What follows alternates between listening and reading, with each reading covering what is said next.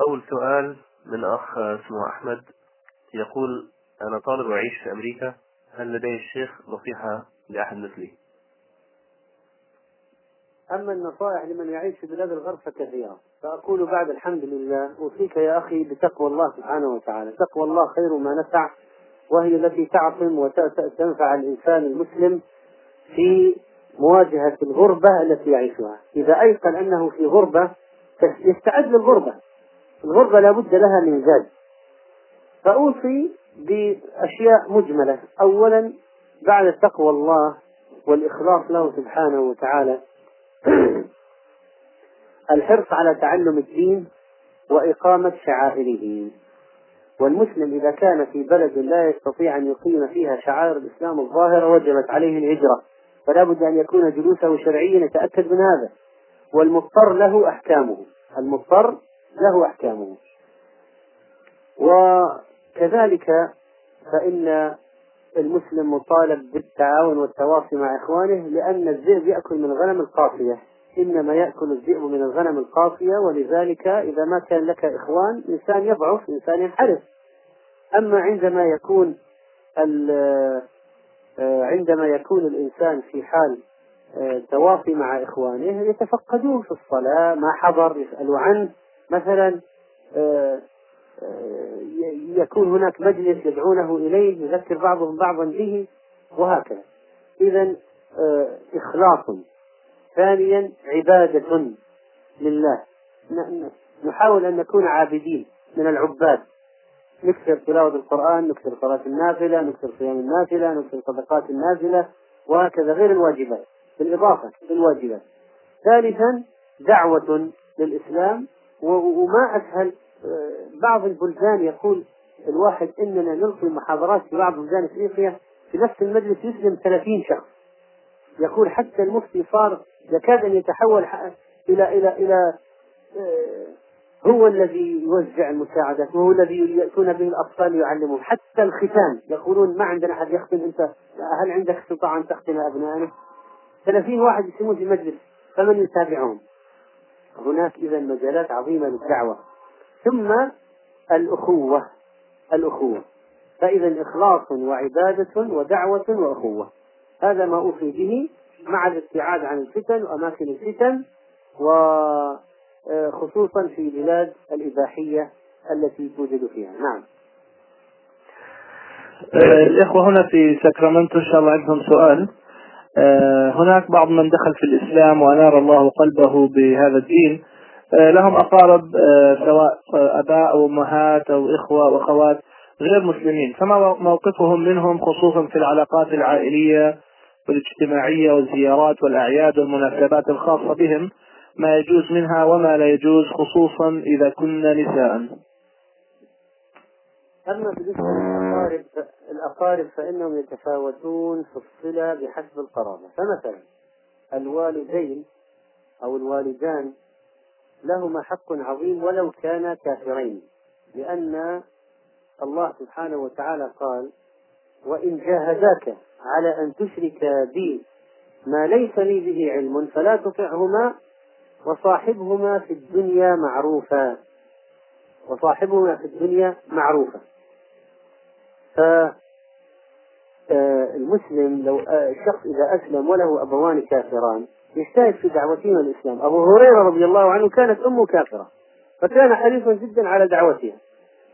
حتى جاء النبي صلى الله عليه وسلم مرة يبكي أن أمه ما استجابت. ادعو الله أن يهدي أم أبي هريرة. فالنبي عليه الصلاة والسلام دعا له لما رجع طرق الباب قالت أمه رويدك لا تدخل.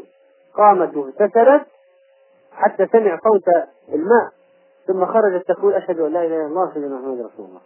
يعني وبالذات النساء يا أيها الأخوة النساء عاطفيات.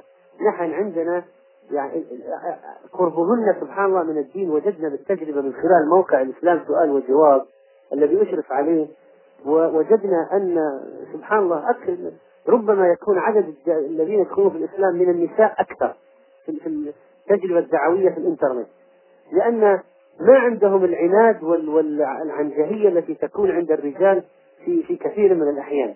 فيكون عندهن شيء من الرقة يقبلن بها أكثر. ولذلك هذه المرأة التي تسأل ما هو الموقف من من من أقاربي. نقول الوالدين يجب صلتهم والإحسان إليهم ولو كان كافرين ولكن ليس على حساب الدين. كما أرسلت إحدى الأخوات مرة تقول أنا أسلمت أريد أن أسلم وأقاربي الآن لنا اجتماع كريسماس وعيد في ألمانيا أو وهذا فيه خنزير وفيه خمر وفيه رقص وفيه ديسكو. فطبعا هذا المناسبة لا يجوز حضورها حتى لو أمر الوالدين قال احضر لا يجوز له أن يحضر إذا صلة الرحم واجبة لكن ليس على حساب الدين. وتكون بما تستطيع القيام به من بر أقاربها. من البر. البر أحيانا يكون ليس شرطا بالزيارة والإتيان خصوصا إذا كان القريب أجنبي. يعني لا يحل لها أن تكشف عليه. فقد آه، تكون الصلة برسالة. هدية ترسل كلام يرسل مع شخص. وهكذا تنوع آه، أنواع صلة الرحم عمل المعروف الزيارة الشخصية وهكذا. نحتاج يا أخوان إلى لين في الكلام وموعظة. نحتاج إلى لين وموعظة. وأنواع الدعوة نستعملها مع الكفار آه، نستعملها. ادعو إلى سبيل ربك بالحكمة. أولا قد يكون جاهلا فتعلمه. بالحكمة. ثانيا بالموعظة الحسنة. يمكن يكون آه، آه، يعرف لكن عنده معصية غفلة غفلة. فعند ذلك نتعامل معه بأي شيء؟ بالموعظة الحسنة. ثم قد يكون رجل عنده شبهات فنجادله بالتي هي أحسن. نستعمل أنواع الجدال بالتي هي أحسن في إقناعه. نعم. الآن إن شاء الله آه، الإخوة في سانتا كلارا عندهم سؤال؟ نعم في سؤال. السلام عليكم شيخ. آه، عليكم السلام الله وعلى مهدي الأمة. عندي بس سؤال آه، في من يقول عن الشيوخ والعلماء الرجعيين والمتعصبين وما عندهمش علم بالعصر الحديث ومش مودرن فما رأيك يا شيخ فهد والناس هذول جزاكم الله خير. طبعا آه، المشايخ المشايخ ليسوا سواء. فنحن لابد أن نعرف أن هناك ناس آه، من الضالين. قد يكونوا مشايخ مبتدعة. وطريقهم مبتدع. قد يكون ناس منهجهم منحرف. مثل بعض الناس الذين ينادون بتيسير الفقه ويميعون الأحكام الشرعية ويقول ناس خمسة في المية اثنين في المية ربا حلال والأغاني الشرقية حلال والموسيقى الهادئة حلال ومصافحة المرأة الأجنبية إذا كان قلبك نظيف وحط تحت قلبك نظيف هذه عشرين خط وعشرين علامة استفهام. إذا قلبك نظيف حلال والكلام الفارغ الذي يفعلونه من تبيع أحكام الدين. وهناك فهناك كما قلت مشايخ مبتدعة وهناك مشايخ آه، متساهلين مفرطين في الحقيقة. أو يضلون الناس بعلم أو بغير علم. وهناك مشايخ ثقات. وهؤلاء الثقات يتفاوتون أيضا في العلم ليسوا سواء. وفي أمور الدنيا يتفاوتون فبعضهم يمكن يعرف في الإنترنت بعضهم لا يعرف في الإنترنت. وهذا ليس ذنبا له أنه لا يعرف في الإنترنت. بعض المشايخ قد يعرف اللغة الإنجليزية بعضهم قد لا يعرف اللغة الإنجليزية. بعضهم قد يستخدم جوال فبعضهم لا يستخدم الجوال وهذا ليس مطعنا عليه ولا عيب ينبغي أن نفهم هذا. لكن ينبغي على الشيخ أن يطور نفسه بحيث يفيد الناس. فإذا وجد أن مثلا هذه شبكة الإنترنت هذه وسيلة عظيمة للدعوة وخدمة الدين يدخل فيها. من الحكمة أن يدخل فيها. إذا استطاع يدخل فيها. إذا آه، أما من يصف المشايخ كلهم بأنهم رجعيين قاصدا أنهم على شريعة لا تناسب القرن الواحد وعشرين وأن الأشياء التي يدعون إليها متخلفة والدين الذي هم عليه هذا إنسان والعياذ بالله ممكن أن يكون كافرا لأنه يتهم دين الله بالرجعية والذين يعلمون دين الله بالرجعيين فهو يعاديهم ويسبهم لماذا؟ لأجل الدين الذي هم عليه. وليس لأشياء شخصية. لو لأشياء شخصية يكون فاسقا لا كافرا.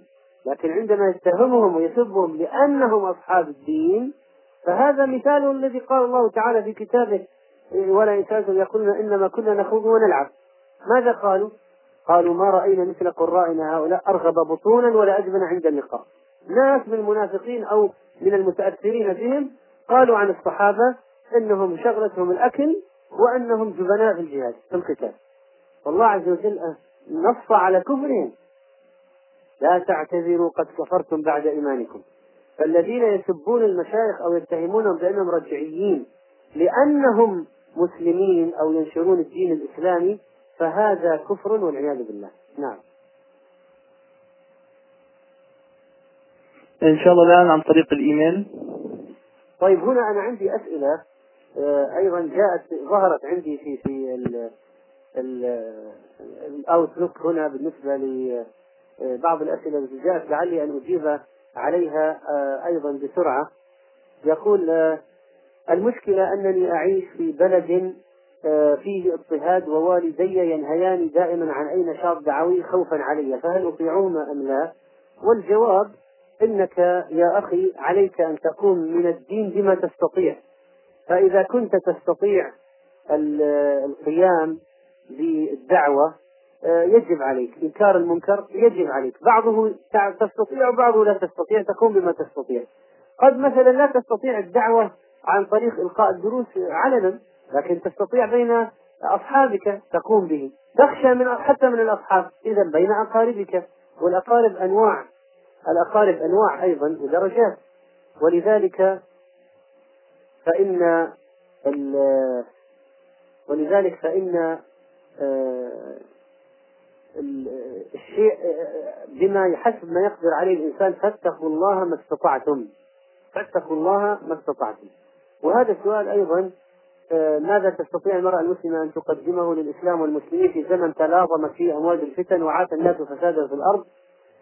آه، أيضا هذه يعني جوابا لهذه الأخت. لعل المحاضرة هي السؤال يمكن جاء قبل أن أذكر بعض الأشياء. لعل ما ورد فيها كافي في الإجابة. ويقول أيضا هذا السؤال في ترجمة خطبة الجمعة.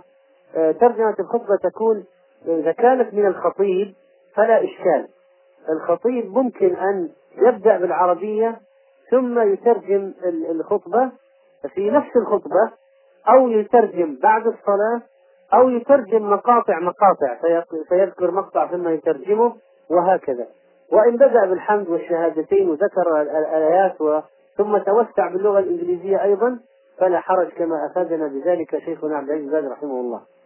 يقول هذا السؤال هل يجوز أن نصلي ركعتين سنة الوضوء قبل المغرب بقليل؟ الجواب نعم لأنها من ذوات الأسباب. السؤال يقول حلف شخص على القرآن أن لا يفعل شيئا لفترة محددة ثم فعله ما كفارة ذلك؟ الجواب عليه أن يطعم عشرة مساكين أو كسوتهم أو تحرير رقبة آه، أو تحرير رقبة وإذا ما استطاع هذه الثلاثة فإنه يصوم ثلاثة أيام. آه، ممكن متتابعة وهو أفضل لقول بعض العلماء. وبالنسبة للإطعام قد يستطيع أن يطعم عشرة مساكين وقد لا يستطيع أن يطعم عشرة مساكين آه، وقد لا يجدهم. يعني أحيانا لا السبب أنه ليس عنده مال وإنما لم يجد العشرة. والاستعانة بالجمعيات الخيرية طبعا مفيد في هذا. آه، يقول أحد هذا السؤال ما نرى أن هناك اختيار أحيانا لبعض النساء من المنتسبات إلى الإسلام في آه، هيئات عالمية فما هي ما هو الهدف أو ماذا تظن الهدف من ذلك؟ طبعا إنه مكر الليل والنهار الذي ينكر فيه هؤلاء الكفرة بالمسلمين ويركزون على قضية تحرير المرأة وعندهم مسألة تحرير المرأة هذه المسائل العظيمة جدا دائما يركزون عليها.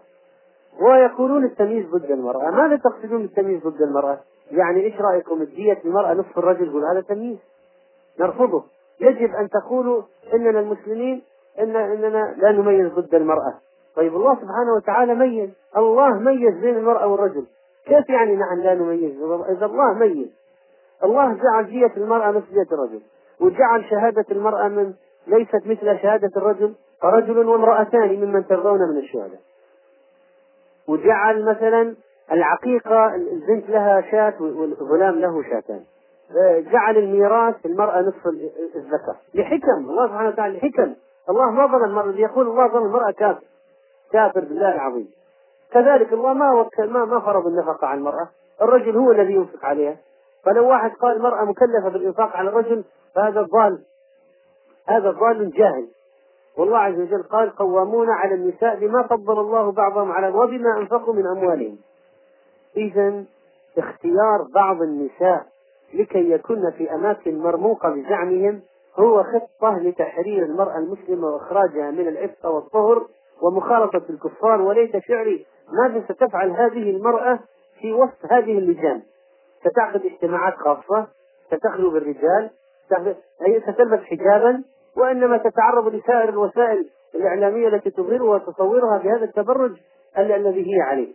ولذلك يا إخوان يعني نحن ما نكون مغفلين أو نفرح بأشياء يعني وهي في الحقيقة ضدنا. المغفل بعض المغفلين يفرح يقول اختاروا امرأة عربية اختاروا امرأة مسلمة. اختاروا لأجل أي شيء؟ لجرها وجر بنات جنسها إلى الشر. يقول أنا شاب بأمريكا أقوم بتدريس الأطفال هل لديك نصيحة؟ بالنسبة لآخر تدريس الأطفال إنها والله عبادة جليلة ومهمة دعوية رائعة خصوصا أن كثير الناس يغفل عنها ويذهب فيها. ويهتمون بالكبار ولا يهتمون بالصغار. الصغار الأساس الأساس من الصغر. ولذلك يعني قضية الاهتمام بالأطفال مثلا علمهم آيات تناسب. مثلا وصية لقمان لولده. يا بني أقم يا بني إنها إن تكن مثقال حبة من خردل. رقابة الله رقابة الله سبحانه وتعالى. إن تكن مثقال حبة من خردل. مثلا يأمره بالصلاة. وهكذا. فإذا آه، مثلا قصص مناسبة. قصة يوسف. قصة أصحاب الأخدود. قصة آه، عمر مع مع المرأة والأولاد والخيمة في خارج البلد لما خرج يعس. قصة عمر قصة ابن عمر مع الراعي مع الراعي لما قال له يمتحنه قل أكلها الذئب طلب منه شاة وقال أنا لست صاحبها. قال قل لصاحبي أكله الذئب يمتحن يمتحنه أشياء تربي في الأولاد الفضيلة فعليك بالإكثار من القصص وخصوصا سيرة النبي صلى الله عليه وسلم. هل قرأت أسئلة كثيرة؟ آه نعم. الإخوة الله اللي في عندهم آه حدا بيلعب بالتليفون يوقف الولد أو شيء الله يكرمكم. آه عندنا هنا سؤال في ساكرامنتو. هناك علماء أجلاء ودعاة كرام لهم مواقف دعوية وجهادية طيبة لكن لهم بعض الأخطاء أو بعض الاجتهادات الخاصة بهم مما لا نوافقهم فيها من الناحية الفقهية. فما موقفنا منهم؟ وهل نرد دعوتهم وعلمهم؟ وهل يمكن لنا ونحن وطلبة العلم أن نرد عليهم ونبيئ خطأهم للعامة؟ أفتنا في ذلك. جزاكم الله خيرا. أولا إذا كان الرجل يغلب عليه طريقة أهل السنة فإننا لا نخرجه من الملة ولا يجوز أن نكفره ولا وكذلك قد يكون عنده بدعة أو بدعتين فلا نقول عنه مبتدع إلا إذا كان خطه بدعي أصلا. فواحد قد يكون عنده طريقة مخترعة طريقة رفاعية قادرية شاذلية هذا إنسان مبتدع.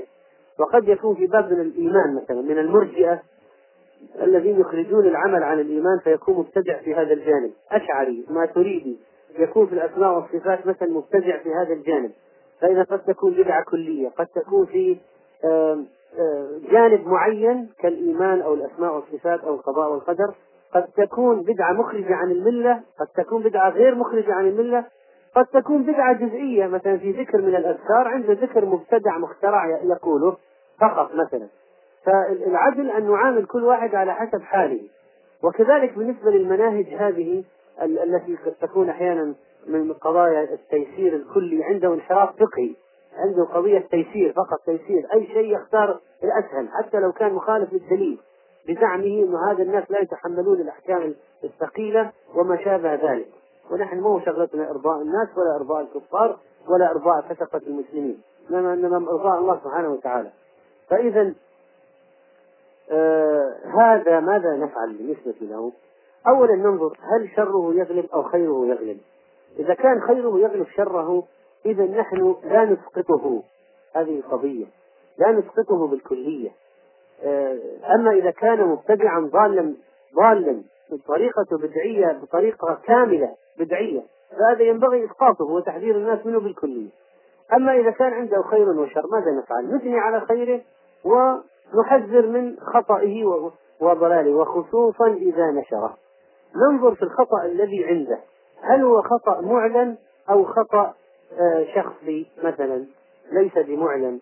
آه، فإذا كان خطأه خاصا بينه وبين الله فننصحه شرا. وإذا جهر بخطأ أضل أناسا. لو أخذوا به ضلوا. نحذر لابد من تحذير علني كما نشر خطأه علنا ننشر الرد علنا لكن بعد نصحه إذا ما انتصح نقول نصحناك فلم تنتصح ننشر الرد عليه علنا لأنه لا يجوز السكوت عن الباطل. والله عز وجل أخذ العهد والميثاق على المؤمنين أن يبينوه للناس ولا يكتموه أخذه الله العهد في العهد أن يبينوه للناس ولا يكتموه. فإذا ينبغي علينا أن نعامل كل واحد بحسب حاله. فأحيانا يكون حاله أن لا نسقطه بالكلية لكن نبين أخطاءه وضلالاته. وفي الوقت نفسه نثني على مواقفه الطيبة. قد يكون له واحد مواقف جهادية جيدة مواقف ضد اليهود ممتازة آه، مواقف مثلا ضد الفساد مثلا أو الفواحش مقاومة المنحرفات الأخلاقية. قد يكون له بعض الكلام الجيد في تربية الأطفال. لكن عندما يأتي بزلات مثلا في الأحكام أشياء محرمة العلماء الثقات حرموها غيره والأدلة واضحة. فنحن نرد ونبين خطأه لا إيه، تأخذنا في الله لومة لائم ولا نستحي من فلان أو فلان. الحق أحب إلينا من الرجال. وكل واحد راد ومردود عليه. كل يؤخذ من قوله ويرد إلا صاحب ذلك القبر محمد صلى الله عليه وسلم. نعم. آه، الإخوة إن شاء الله في سنتك الأرض عندهم أي سؤال إن شاء الله؟ نعم في تعقيب على رد الشيخ بس يعني آه إذا تركناها هكذا سيكون آه كل من يعني كل من عنده جزء آه، قليل جزء قليل من العلم يرد به على آه، من هو عنده علم غزير وهو يعني له باع في العلوم الدينية ف آه، يعني هذه نقطة هذه نقطة جيدة فأوافق الأخ أنه لا يصلح يرد أي واحد. وحتى لو كان عنده علم بالمسألة آه، ممكن أن يلجأ إلى من هو أشهر منه إذا كان يقبل منه أكثر. فلنفترض أن الشخص المخطئ إنسان مشهور وأنت تعلم خطأه يقينا من الأدلة الكتاب والسنة لو رددت باسمك ربما لا يقبل. لكن لو قلت لغيرك من أهل العلم المشهورين مثلا لو تردون عليه أو تكلموه تنصحوه فنحن فعلا نريد المصلحة. ليس المقصود التشهير المقصود تحقق المصلحة في الرد. فنقول يا شيخ فلان يا العالم أيها العالم فلان نريد منك أن تنصح الشيخ فلان. وتبين له ومنك يقبل ومنا قد لا يقبل.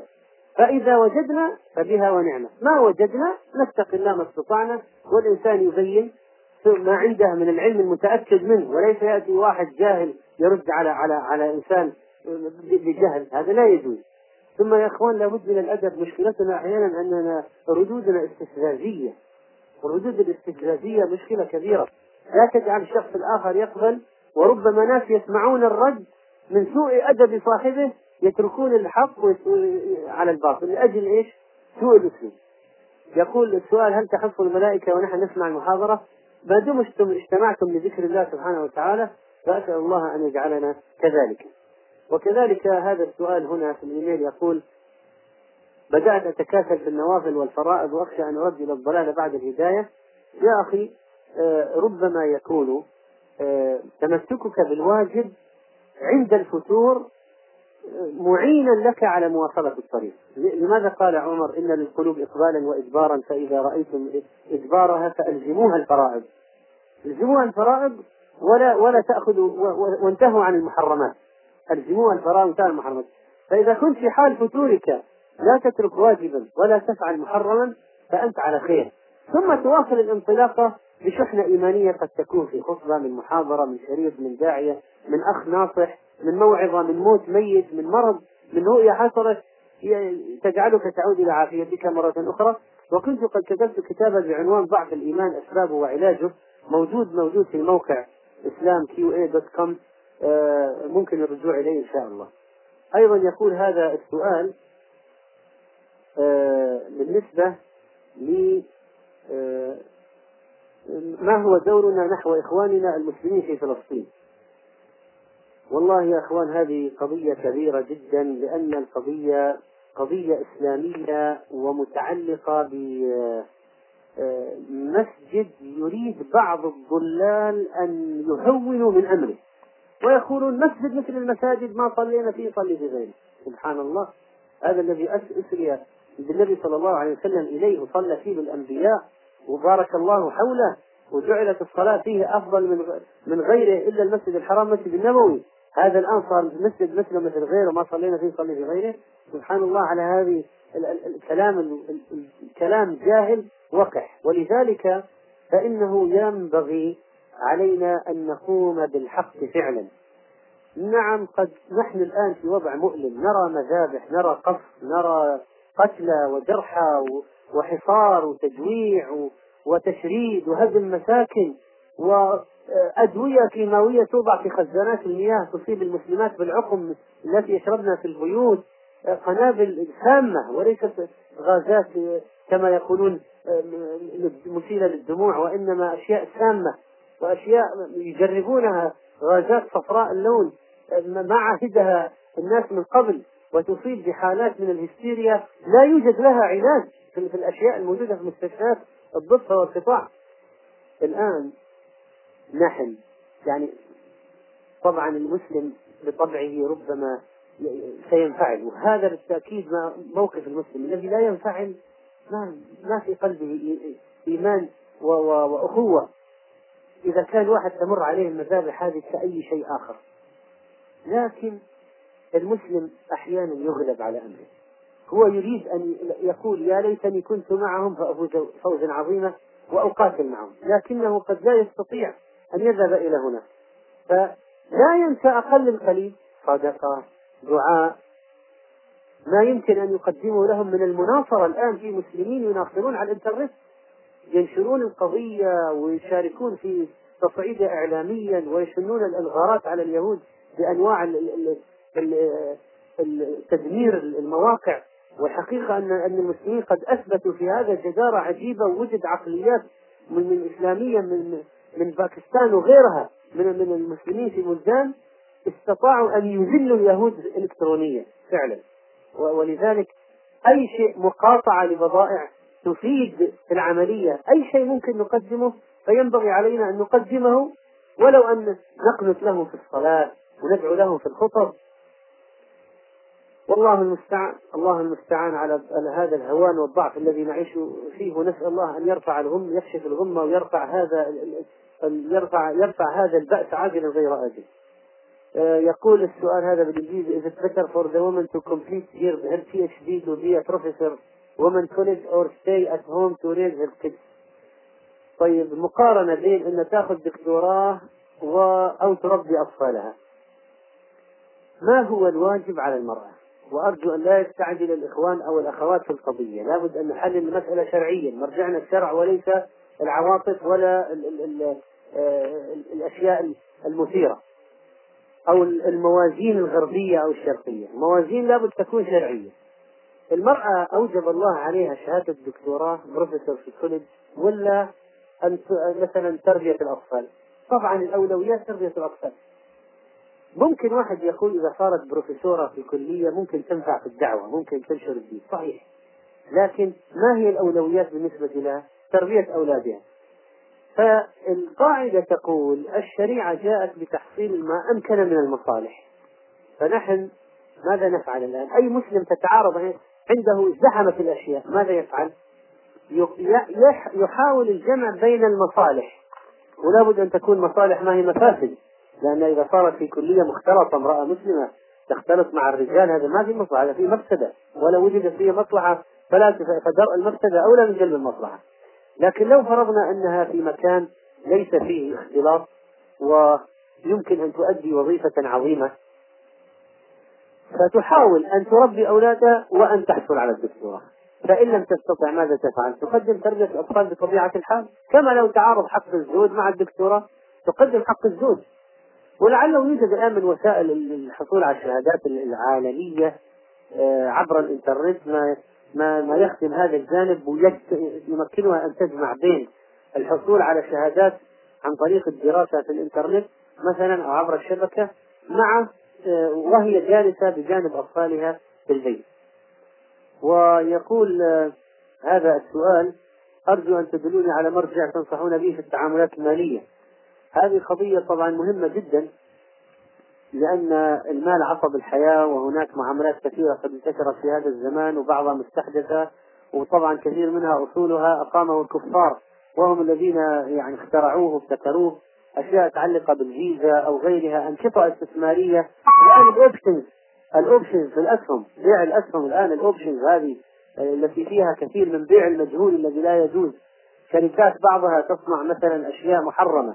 وبعضها شغلها اقتراض لازم يقترضون من البنوك الربوية لعمل خطوط إنتاج. ما عندهم سيولة ولا أموال المساهمين يشتغلون بالقروض الربوية. ممكن يصنع حلال لكن الشغل كله قائم على قروض ربوية والمساهم شريك مسؤول عما هو مشارك فيه. على أي حال آه الكتب يعني متعددة. مثلا من فتاوى اللجنة الدائمة آه للإفتاء المجلد الثاني عشر بالذات فيه فتاوى مهمة عن البيوع. آه تقريبا هو هذا لعله هذا رقمه. آه وكذلك أو المجلد الثالث عشر الثالث عشر مجلد عن البيوع مهم في فتاوى اللجنة الدائمة. كذلك آه يوجد كتاب جيدين إسلاميين. مثلا لهم كتابات اقتصادية إسلامية جيدة. مثلا الشيخ علي السالوس مثلا الشيخ صلاح الصاوي.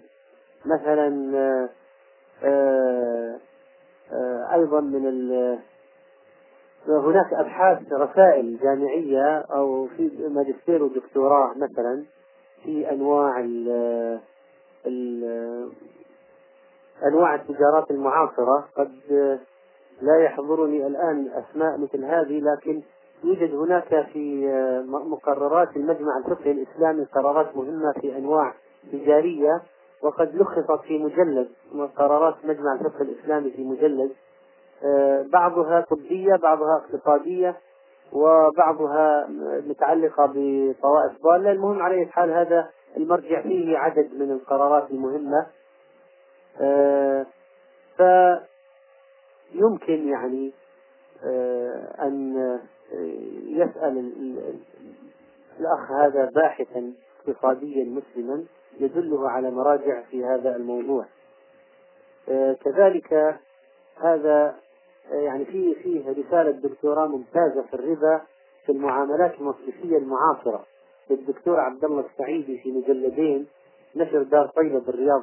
هذه أيضا فيها أشياء معاصرة لأن تتركز على أشياء معاصرة جيدة.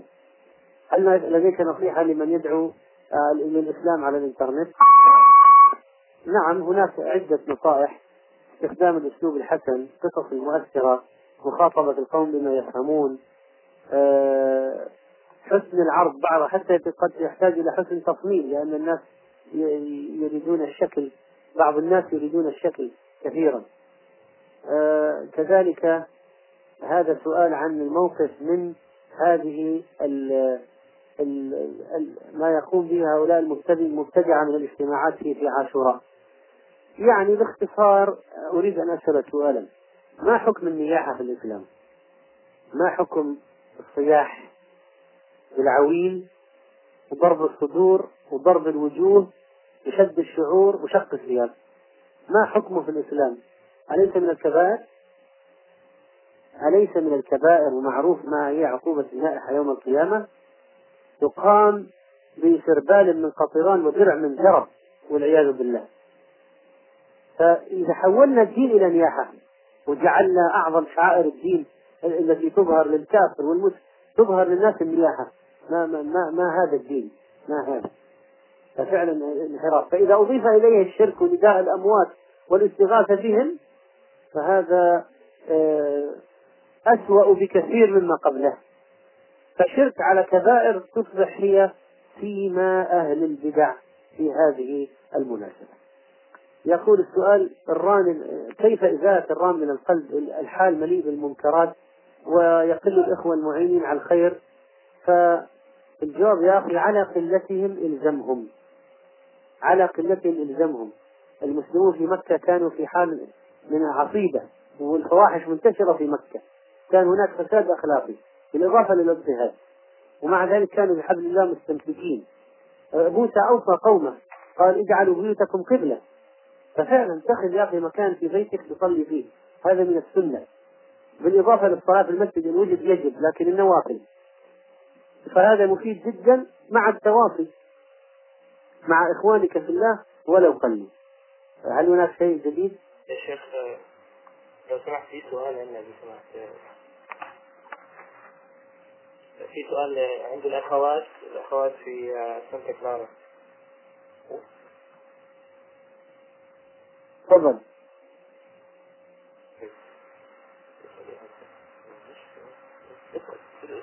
طيب يا شيخ إحنا إن شاء الله حابين ندعوك إلى عندنا هون في أمريكا فهل تقبل الدعوة؟ آه، أنا أقبل الدعوة على مضض من جهة أنها في بلاد الكفار وعلى محبة من جهة أنها صادرة من إخواني في الله. و آه، قد لا يتيسر هذا قريبا جدا لكن الفكرة مقبولة عندي و آه، كرمكم واصل إن شاء الله. جزاك الله خير سنحدد لاحقا إذا تيسرت الغرفة يتم التحديد لاحقا إن شاء الله. إن شاء الله. آه، شيخ محمد؟ نعم يا عندنا سؤال هنا في ساكرامنتو. وبعدين إن شاء الله في تعليق إعلان. آه، هناك بعض الناس يقومون قيام الصلاة ويقفون يذكرون الله ثم يقعدون يذكرون الله ثم يضطجعون ويذكرون الله ويقولون يعني هذا آه، من باب الآية الذين يذكرون الله قياما وقعودا وعلى جنوبهم وقوله تعالى فإذا قضيتم الصلاة فاذكروا الله قياما وقعودا وعلى جنوبكم. فما رأي فضيلتكم في هذا؟ آه، مع التوضيح لكم الله خيرا وهم يفعلون ذلك في المسجد. يعني يقومون يقومون ويذكرون الله ثم يجلسون ثم يضطجعون داخل المسجد ويعني يتأولون الآية. صوت مرتفع. يعني هذا يكون بغير تكلف. الإنسان قد يكون قائما بغير تكلف فيذكر الله. وقد يكون قاعدا أصلا في المجلس أو على الطعام فيذكر الله. ما يحتاج أن يتكلف ليفعله. ويكون مضطجعا للنوم مثلا أو للراحة فيذكر الله. فلي فليس المقصود أن نتكلف الحال نأتي بالذكر وإنما أن نذكر الله دائما سواء كنا قائمين لحاجة أو قاعدين لحاجة أو مضطجعين لحاجة نعم. آه، الإخوة في ساكرامنتو برضو في إعلان إن شاء الله. نحب نعلن لكل الإخوة والأخوات الموجودين على الخط والموجودين كذلك أونلاين. سوف إن شاء الله يعقد مؤتمر كبير هنا في مدينة ساكرامنتو في ولاية كاليفورنيا ويحضر يعني نخبة من العلماء الأفاضل من أمثال الشيخ محمد حسان والدكتور محمد عبد المقصود والدكتور صلاح الصاوي والدكتور جعفر شيخ إدريس. والمؤتمر بعنوان الإسلام منهج الحياة ويعني سيتناول محاور متعددة. ولمزيد من المعلومات إن شاء الله يرجى زيارة آه، موقع المسجد على www.مسجدالنور.com معلومات المؤتمر إن شاء الله متوفرة هناك لمن أراد إن شاء الله. آه، أحد من الأخوة عنده سؤال قبل ما نختم إن شاء الله؟ نعم في سؤال بس. آه، بالنسبة شيخ لحال المسلمين في ال- في الغرب مما يعني مع الأسف شاع وضم هو عند نزوع آه، خلاف بين الزوجين لجوء ال- الأخوات أو النساء إلى المحاكم الغربية للتحكم إليها. فهل بينت لنا الحكم في آه، أولئك؟ وتكملة للسؤال آه، يعني ذكرت مثال في أثناء المحاضرة بالنسبة للصحابي الذي أتى إلى المسجد وكان قد شرب الخمر فضرب ثم آه، دعوا عليه فنهاهم الرسول صلى الله عليه وسلم عن ذلك. فهل لا- يجوز الدعاء على من يتحاكم إلى غير شريعة الله كأمثال آه، الذين ذكرتهم من قبل؟ جزاكم الله خير. طبعا يجب على المسلم أن يتحاكم إلى دين الله سبحانه وتعالى إلى القرآن والسنة ولا يجوز أن يتحاكم إلى الأحكام الجاهلية. قال الله تعالى أفحكم الجاهلية يبغون؟ فلا يجوز ابتغاء حكم الجاهلية ولا البحث عنه ولا اللجوء إليه. أفحكم الجاهلية يبغون ومن أحسن من الله حكما لقوم يوقنون. وهذه هذا الأمر هذا من مقتضيات التوحيد ومن أساسيات التوحيد التحاكم إلى شريعة الله. وهذا من توحيد وهذا من التوحيد من صلبه. وليست قضية هامشية ولا جزئية هذه قضية عقدية خطيرة جدا وحساسة ممكن ينبني عليها خروج الإنسان من الملة. إذا إذا كان له اعتقاد أو عمل معين. وأما بالنسبة للحالة آه، المذكورة فلا يجوز للمرأة المسلمة أن تلجأ إلى المحاكم الكافرة إذا كان يمكن أن يجعل هناك قضاء شرعي أو من ينوب عن القاضي الشرعي كمدير المركز الإسلامي ونحوه ممن يؤدي الغرض المقصود ويفي به.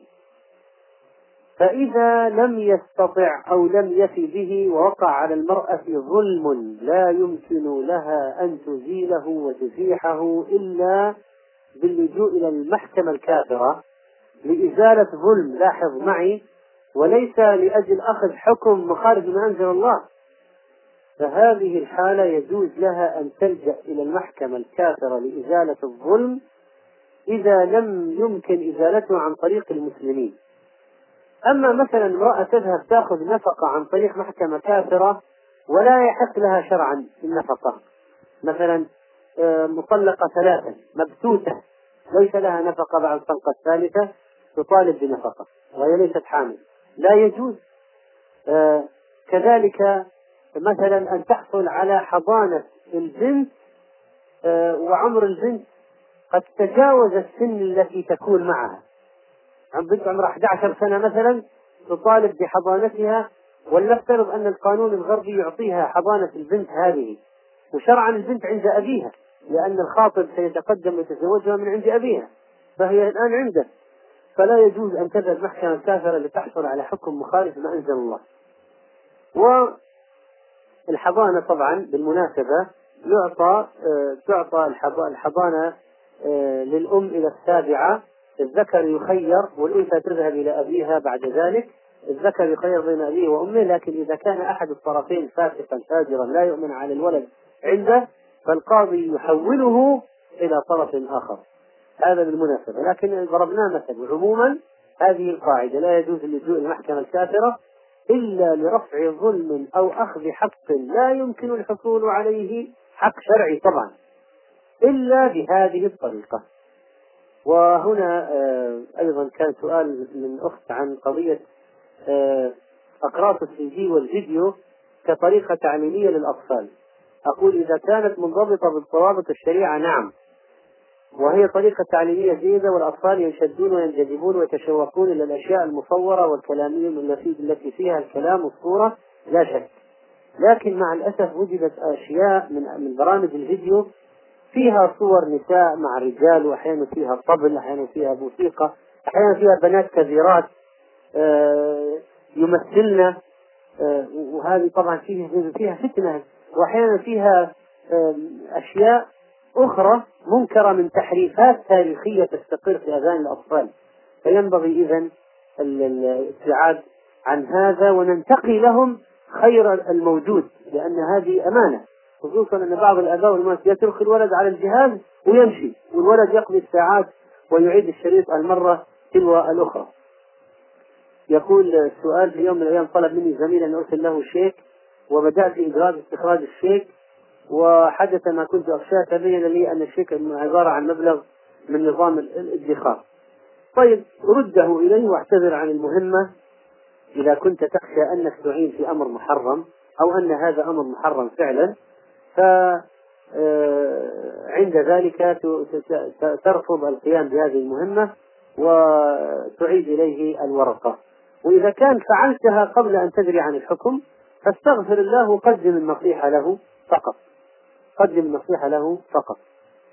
وهذا يقول أيضا سؤال عن آه، دراسة في الكلية التي فيها امرأة تشرح. آه، يجب على المسلم أن يغض بصره إذا وجدت امرأة أجنبية أمامه ولو كانت مدرسة تشرح وإذا كان يفتن فلا يجوز له الحضور وإذا كان يسمع بغير فتنة ويحتاج إلى هذا للنجاح فإنه لا يجوز له أن ينظر ولنعلم بأن الشريعة قد جاءت بأحكام كثيرة لضبط العلاقة بين الرجل والمرأة ينبغي التمسك بها وحتى لا لا لا نضيع ونكون ممن يتبعون الشهوات.